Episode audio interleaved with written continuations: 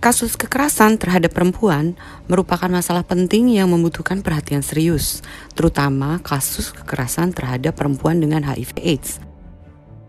Perempuan posisinya menjadi rentan akibat budaya patriarki di Indonesia. Ketika perempuan tersebut memiliki status positif HIV/AIDS, bukan hanya kekerasan, stigmatisasi, dan tindakan diskriminasi juga kerap menimpa mereka. Di tengah itu semua, hadir petugas penerima pengaduan atau P3 sebagai pintu pertama korban kekerasan membantu mereka untuk bisa lepas dari belenggu kekerasan. Saya Suksma Ratri akan mewawancara petugas-petugas penerima pengaduan kekerasan dari berbagai kota di Indonesia dan mereka akan menceritakan pengalaman-pengalamannya ketika menjalani tugasnya sebagai petugas penerima pengaduan. Inilah podcast Perempuan Berdaya, seri Perempuan Lawan Kekerasan. Trigger warning.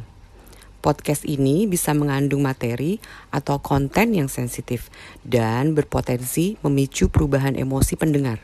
Dimohon untuk kebijaksanaan dari pendengar. Halo kawan IPI, selamat datang di podcast Perempuan Berdaya, Perempuan Lawan Kekerasan bersama saya Suksma Ratri. Nah, di episode kali ini kita jalan-jalan dulu yuk ke Pulau Dewata. Di sana eh, ada salah satu P3-nya IPI, namanya Afrina Wahyu Dilia Stuti, panggilannya Afrina. Afrina nih udah ada nih bareng sama saya nih. Dan sebelum mulai, mungkin Afrina bisa memperkenalkan diri dulu sedikit gitu ya, terus uh, P3-nya dari mana, kesibukannya, kesehariannya, kegiatannya. Sebagai P3 tuh di Bali apa sih? Silakan lo Afrina. Ya, selamat malam Mbak Ratri. Selamat malam juga teman-teman IPI. Uh, perkenalkan, nama saya Afrina Wahyu Diliasuti. Uh, usia saya sekarang 42 tahun. Saya adalah uh, anggota IPI kebetulan juga saya uh, menjadi P3, tugas penerima pengaduan di IP. Untuk keseharian saya, saya kebetulan saya juga adalah uh, pendamping sebaya di Yayasan Spirit Paramajita, uh, mendampingi ODIF di RSUP Prof. Murah. Kalau dulu RSUP Sangla, sekarang RSUP Prof. Murah. Saya sebagai pendamping sebaya. Uh, yang pastinya setiap hari akan bertemu dengan orang-orang ada kalian mungkin beberapanya mengalami kasus kekerasan seperti itu. Terima kasih Mbak. Ya, cerita-cerita sedikit dong, Afrina. Sejak kapan uh, mulai jadi P3 ya? Kemudian kenapa sih kok Afrina mau gitu jadi petugas penerima pengaduan? Iya, saya bergabung di IP sebenarnya sudah kurang lebih sekitar uh, baru dua tahun, Mbak. Nah, kurang lebih baru dua tahun. Kemudian uh, saya ditawar uh, ditawarkan ada uh, salah satu teman IP juga yang kebetulan dia adalah mentor saya. Hmm. Uh, untuk ini untuk uh, mau nggak jadi kamu gabung dengan IP kemudian kamu saya uh, apa saya ikutkan untuk ini loh uh, mendampingi teman-teman PDHA yang mengalami kekerasan seperti itu. Kebetulan saya uh, tertarik juga sangat-sangat tertarik untuk uh, bisa membantu teman-teman meskipun hanya sekedar mendengarkan cerita gitu, Mbak. Okay. Jadi saya kurang lebih sudah bergabung dengan IP itu dua tahun dan satu tahun ke belakang ini lebih intens untuk uh, menjadi pendamping untuk teman-teman PDHA. Oke, satu tahun terakhir ini ya baru jadi petugas P3 ya, petugas penerima pengaduan uh, di IP ya, Afrina ya. Iya, kurang uh -uh. lebih tahunan lebih lah. Gitu. Hmm. Ini nih katanya di Bali itu kan uh, budaya atau adat istiadatnya agak kurang ramah ya dengan perempuan. Yang saya dengar sih begitu gitu ya. Ini apa benar seperti itu ya, Afrina? Terus uh, emangnya seperti apa sih budaya atau adat istiadat Bali itu sebenarnya? Hmm, kalau adat istiadat Bali, uh, menarik memang buat saya karena kebetulan saya juga saya bukan orang Bali, tapi karena saya menikah dengan orang Bali, saya melihat perempuan-perempuan Bali ini kalau menurut saya adalah perempuan-perempuan yang uh, apa ya kuat gitu mbak hmm, dibandingkan okay. dengan saya bukan saya tidak menyebutkan perempuan Jawa itu uh, uh, karena kebetulan saya orang Jawa perempuan Jawa itu uh, uh, tidak sekuat orang Bali bukan cuman hmm. saya melihat beberapanya itu memang uh, perempuan Bali itu seakan-akan apa ya uh, mengalah selalu mengalah kemudian okay. selalu uh, apa pun yang dilakukan oleh uh, pasangannya uh, masih bisa terima seperti itu. Hmm. Karena mungkin di Bali uh, garis uh, apa? apa itu gininya laki-laki itu lebih kuat mungkin ya. Oke, okay, Okay. Jadi terkesan perempuan itu mungkin tidak semua, Mbak. Biar mm -mm. tidak salah, tidak semua, cuman terkesan perempuan itu uh, tidak punya power banyak untuk bisa melawan gitu. Karena itu agak dinomorduakan gitu kali ya Mbak ya. Mungkin karena ada beberapa batasan kenapa perempuan perempuan-perempuan Bali itu terutama yang PDHA ini tidak berani untuk melawan, tidak berani untuk ya itu dah melawan maksudnya untuk biar tidak membela dilakukan seperti itu di mana? Ya. ya, membela diri gitu, Mbak. Jadi uh, berarti itu termasuk mungkin di dalamnya kalau mereka menerima kekerasan atau pelecehan juga berarti uh, ada ada cukup banyak perempuan di Bali yang seperti terkungkung adat dan uh, tradisi sehingga mereka agak sulit untuk bisa me membela dirinya gitu ya Afrina ya mungkin kira-kira. Hmm, iya. Hmm. Uh, kalau secara global saya tidak punya uh, berapa persen berapa persennya saya tidak tapi ini lebih ke beberapa teman yang saya dampingi Mbak. Oke. Okay. Ngomong-ngomong soal pendampingan nih, setelah menjadi P3 ya, eh, biasanya Afrina seringnya menemukan kasusnya tuh yang kayak apa sih di Bali? Seringnya menemukan kasus seperti apa gitu Mbak ya? Iya, kasus-kasus uh, kekerasan yang seperti yang apa? paling sering saya temui adalah diskriminasi untuk status hmm. HIV, kemudian kehilangan hak asuh anak. Okay. Hmm, kalau kekerasan fisik ada beberapanya, Mbak. Tapi yang paling sering adalah diskriminasi. Okay. Apalagi kalau seandainya pasangannya negatif. Hmm. Kekerasan bentuk-bentuk kekerasan yang lain mungkin kekerasan psikologis, kekerasan ekonomi misalnya gitu eh, apakah juga ditemui sama Afrina di sana? Iya. Kekerasan ekonomi tidak dinafkahi seperti itu iya. Dan itu juga terkait dengan status HIV-nya para perempuan ini kah? Ada beberapanya iya.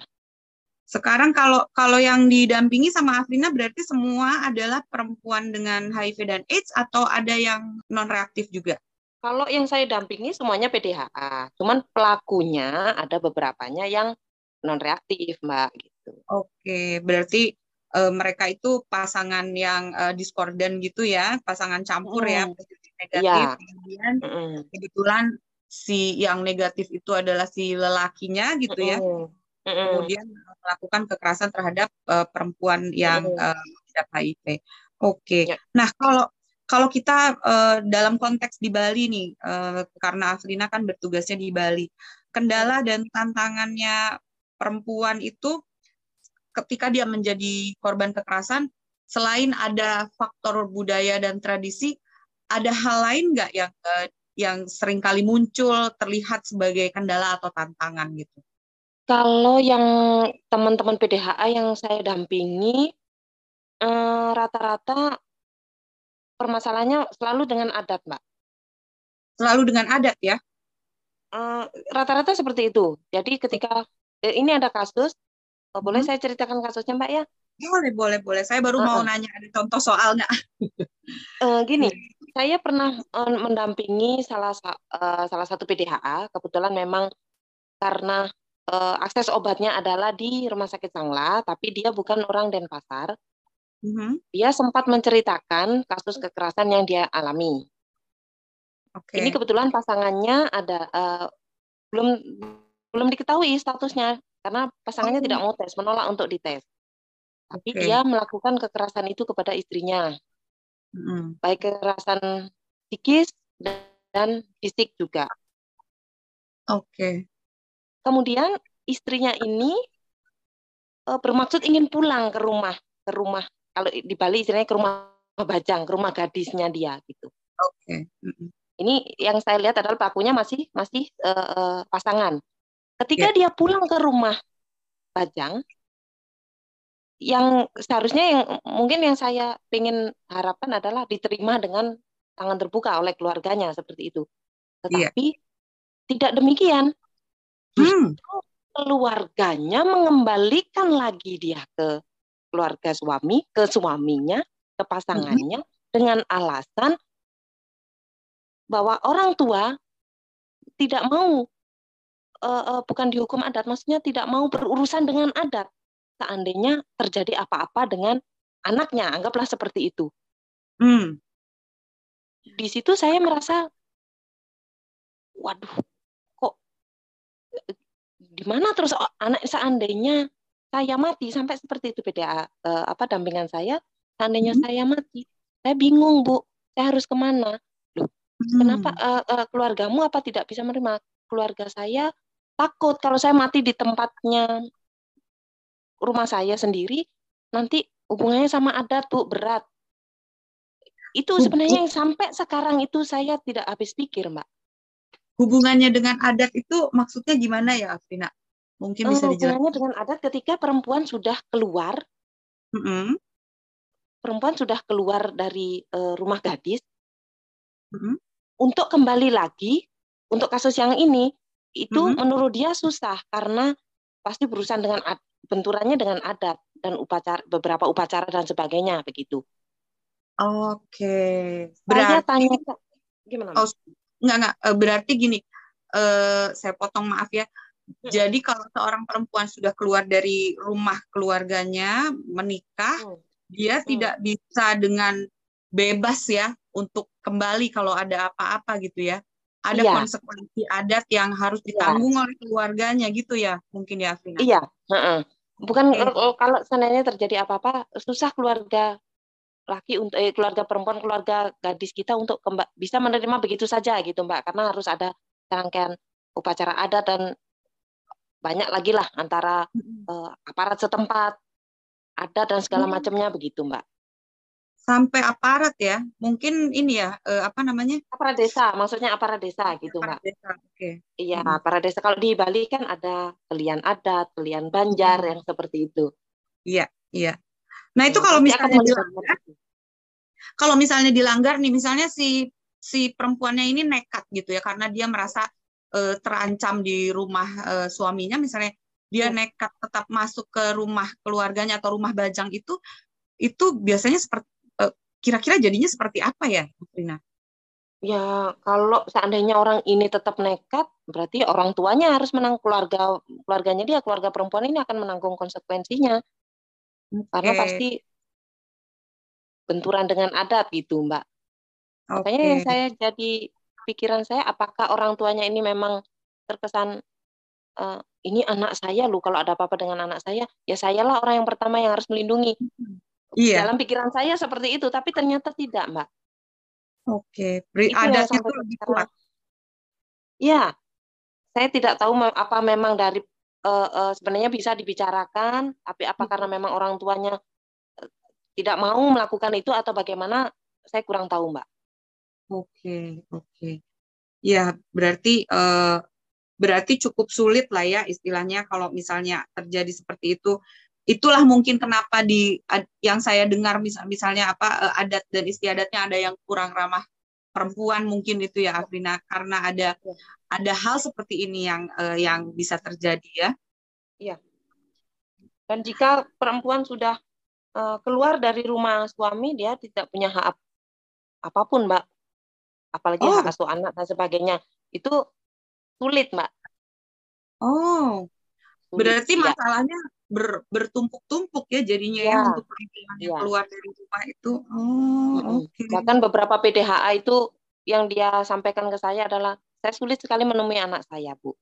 setelah mereka keluar dari rumah suaminya ya, gitu ya? Kalau saya keluar, seandainya saya keluar, yang pasti akan saya saya akan dibatasi untuk bertemu dengan anak-anak saya. Nah, itu yang saya tidak bisa saya terima seperti itu. Kalau hmm. uh, beberapanya ada yang sempat sampai disampaikan ke saya bahwa seandainya saya tidak bisa menemui suami saya mungkin tidak apa-apa tidak masalah bu tapi saya tidak bisa kalau tidak bertemu dengan anak-anak iya jadi uh, mereka berusaha untuk melepaskan diri dari tindak kekerasan yang dialami, tapi ya. malahan menemui bentuk kekerasan baru gitu ya, Afrina ya bisa ya. disebut ya. ya Oke. Okay. Nah, melihat uh, begitu rumitnya gitu ya, uh, apa namanya dinamika tradisi dan budaya di Bali ini, sejauh mana korban biasanya mau menceritakan kejadian kekerasan yang dialami gitu loh. Uh, nah, Mungkin yang disampaikan ke saya. Dari beberapa kasus yang saya uh, eh, PDHA yang saya dampingi, beberapanya memang hanya ingin menceritakan saja, Mbak. Curhat gitulah ya, Mbak ya. Iya. Meskipun dalam hati sebagai perempuan saya juga adalah perasaan dongkol, jengkel, tapi itu tidak mungkin saya tunjukkan. Apalagi untuk mengintervensi mereka kan tidak mungkin. Cuman Betul. uh, itu ketika saya tanya kamu apa yang pengen kamu dapatkan? Setelah cerita ini apa sih sebenarnya yang kamu yang akan kamu lakukan tuh apa? Nggak ada hmm. deh bu. Biarkan saja. Saya hanya sekedar cerita saja oke saya berarti akan tetap kembali ke sana hmm, oke jadi mereka hanya butuh butuh teman curhat gitu ya, ya. tapi tidak iya. tidak sepertinya uh, kemungkinan untuk memfollow up kasus atau tindak kekerasan yang mereka alami itu lumayan kecil ya, Frina ya, berarti ya? Hmm, bahkan ada yang tadi sempat saya sampaikan itu hmm. sudah saya lakukan pengaduan, tapi ternyata tidak ada respon, Mbak. Gitu. Justru dari uh, tempat yang saya harapkan, saya punya harapan besar nih Hmm. dari salah satu lembaga ini untuk bisa membantu klien-klien saya, tapi ternyata itu tidak bisa saya dapatkan. Apakah Afrina pernah tanya ke lembaga-lembaga tersebut gitu, um, kenapa mereka tidak merespon seperti yang diharapkan? Sudah, sempat saya tanyakan, bahkan -hmm. saya sempat uh, minta bantuan uh, mentor saya juga. Jawabannya -hmm. adalah, uh, ya seperti saling lempar. Oh, gitu. Oh, saya menunggu ini, yang ini uh, saya menunggu apa? Uh, dari masukan dari ini, dari salah satu orang ini. Uh. Di situ saya berpikir, waduh, saya sendiri merasa jadi, oh ya, memang saya bukan siapa-siapa. Kalaupun saya harus menuntut banyak, kayaknya hmm. gak, tetap nggak akan direspon gitu. Iya agak miris ya berarti ya maksudnya uh, kita kita jadi apa namanya sebagai pendamping itu agak susah gitu ya. Maksudnya kalau kalau mau mau terlibat lebih jauh juga ya. uh, mungkin dari pihak korbannya juga mereka hmm. tidak ingin ada keterlibatan lebih jauh gitu ya, ya. lembaga yang sedih di... sih sebenarnya Mbak Ratri. Sedihnya hmm, uh, sedih ya pasti. Pasti Mbak. Sedih sebagai perempuan uh, kok lemah banget ya. Kita jadi perempuan kok kayaknya lemah banget. Pengen melawan siapa yang kita lawan mungkin yang lebih kuat mereka daripada kita akan seperti itu mbak iya betul nah sekarang gini kalau mendengar tadi cerita dari Afrina ya bagaimana dinamika tradisi dan karakter orang-orang di sana termasuk karakter korbannya sendiri dukungan seperti apa sih yang bisa diberikan eh, masyarakat umum gitu kepada korban eh, kekerasan, terutama perempuan dengan HIV dan AIDS yang ada di Bali saat ini? Kalau untuk dukungan masyarakat umum, eh, khususnya PDHA, Mbak, karena PDHA kan tidak mungkin dia eh, eh, apa eh, menyampaikan status mereka masyarakat pun juga nggak akan tahu kalau itu korbannya adalah PDHA gitu. Ya. Ini kaitannya dengan PDHA kan Mbak ya? Betul, ya. Nah, Uh, kalau yang secara umum saya lihat respon masyarakat sih, kalau mereka tahu itu PDHA, saya rasa juga nggak ada gininya sama nggak ada gini apa-apa sih mbak.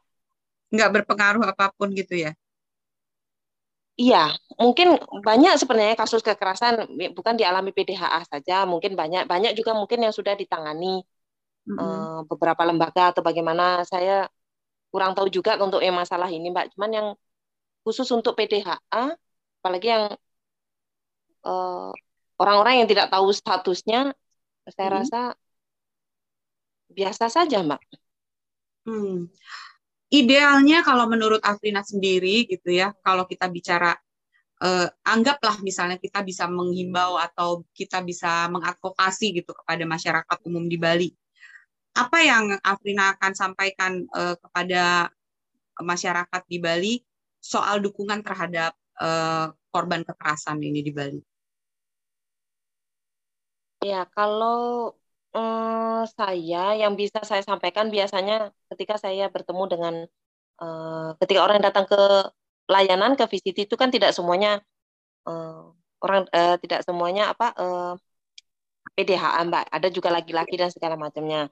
Itu biasanya juga saya sampaikan bahwa uh, sama layanan juga kalau seandainya ada kasus kekerasan uh, perempuan atau bagaimana paling tidak bisalah kasih informasi bahwa ada IP IP mm -hmm. yang bisa apa ya uh, ini lo ada IP kamu bisa mengadukan kasus apa pun ke sana ke IP pun juga ke keluarga pasien yang datang ke ke layanan. Seandainya bisa saya ajak ngobrol.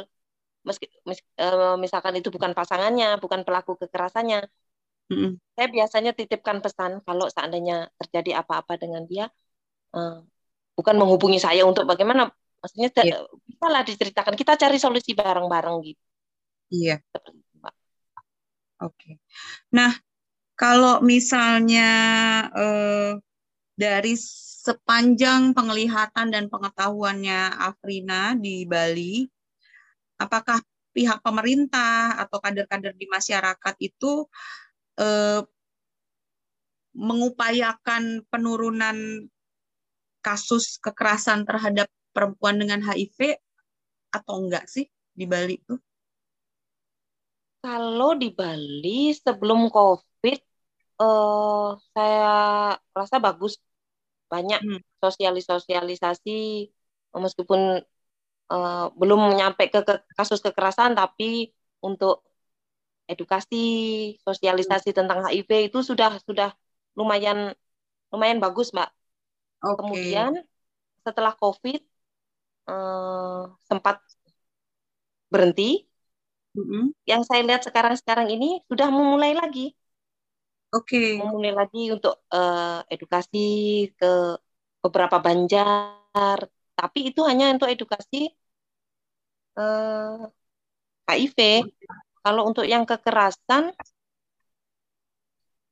um, yang sepengetahuan saya, Mbak, belum. Yeah. Mungkin yang dilakukan, yang saya lihat paling aktif adalah salah satu lembaga bantuan hukum.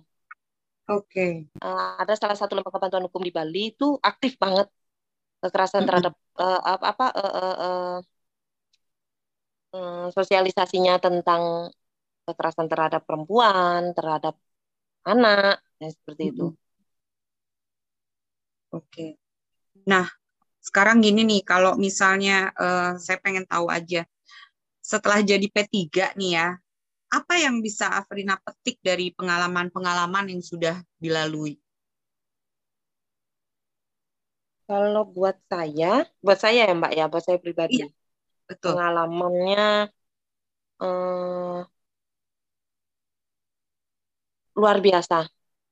Saya bisa melihat ternyata banyak perempuan kuat di luar sana. Saya ternyata bukan siapa, bukan saya merasa diri saya bukan bukan siapa-siapa ternyata. Kalau saya dibandingkan mereka sudah diperlakukan seperti itu tapi masih tetap bertahan. Mungkin saya tidak akan bisa ada di posisi mereka tidak akan mampu untuk menerima seperti mereka. Seperti itu mbak. Oke. Nah, uh, ada pesan nggak kira-kira nih ini uh, terakhir aja nih uh, dari Afrina sebagai P3 yang ada di Bali, apakah ada pesan yang ingin disampaikan kepada perempuan yang hidup dengan HIV dan AIDS di Bali mungkin?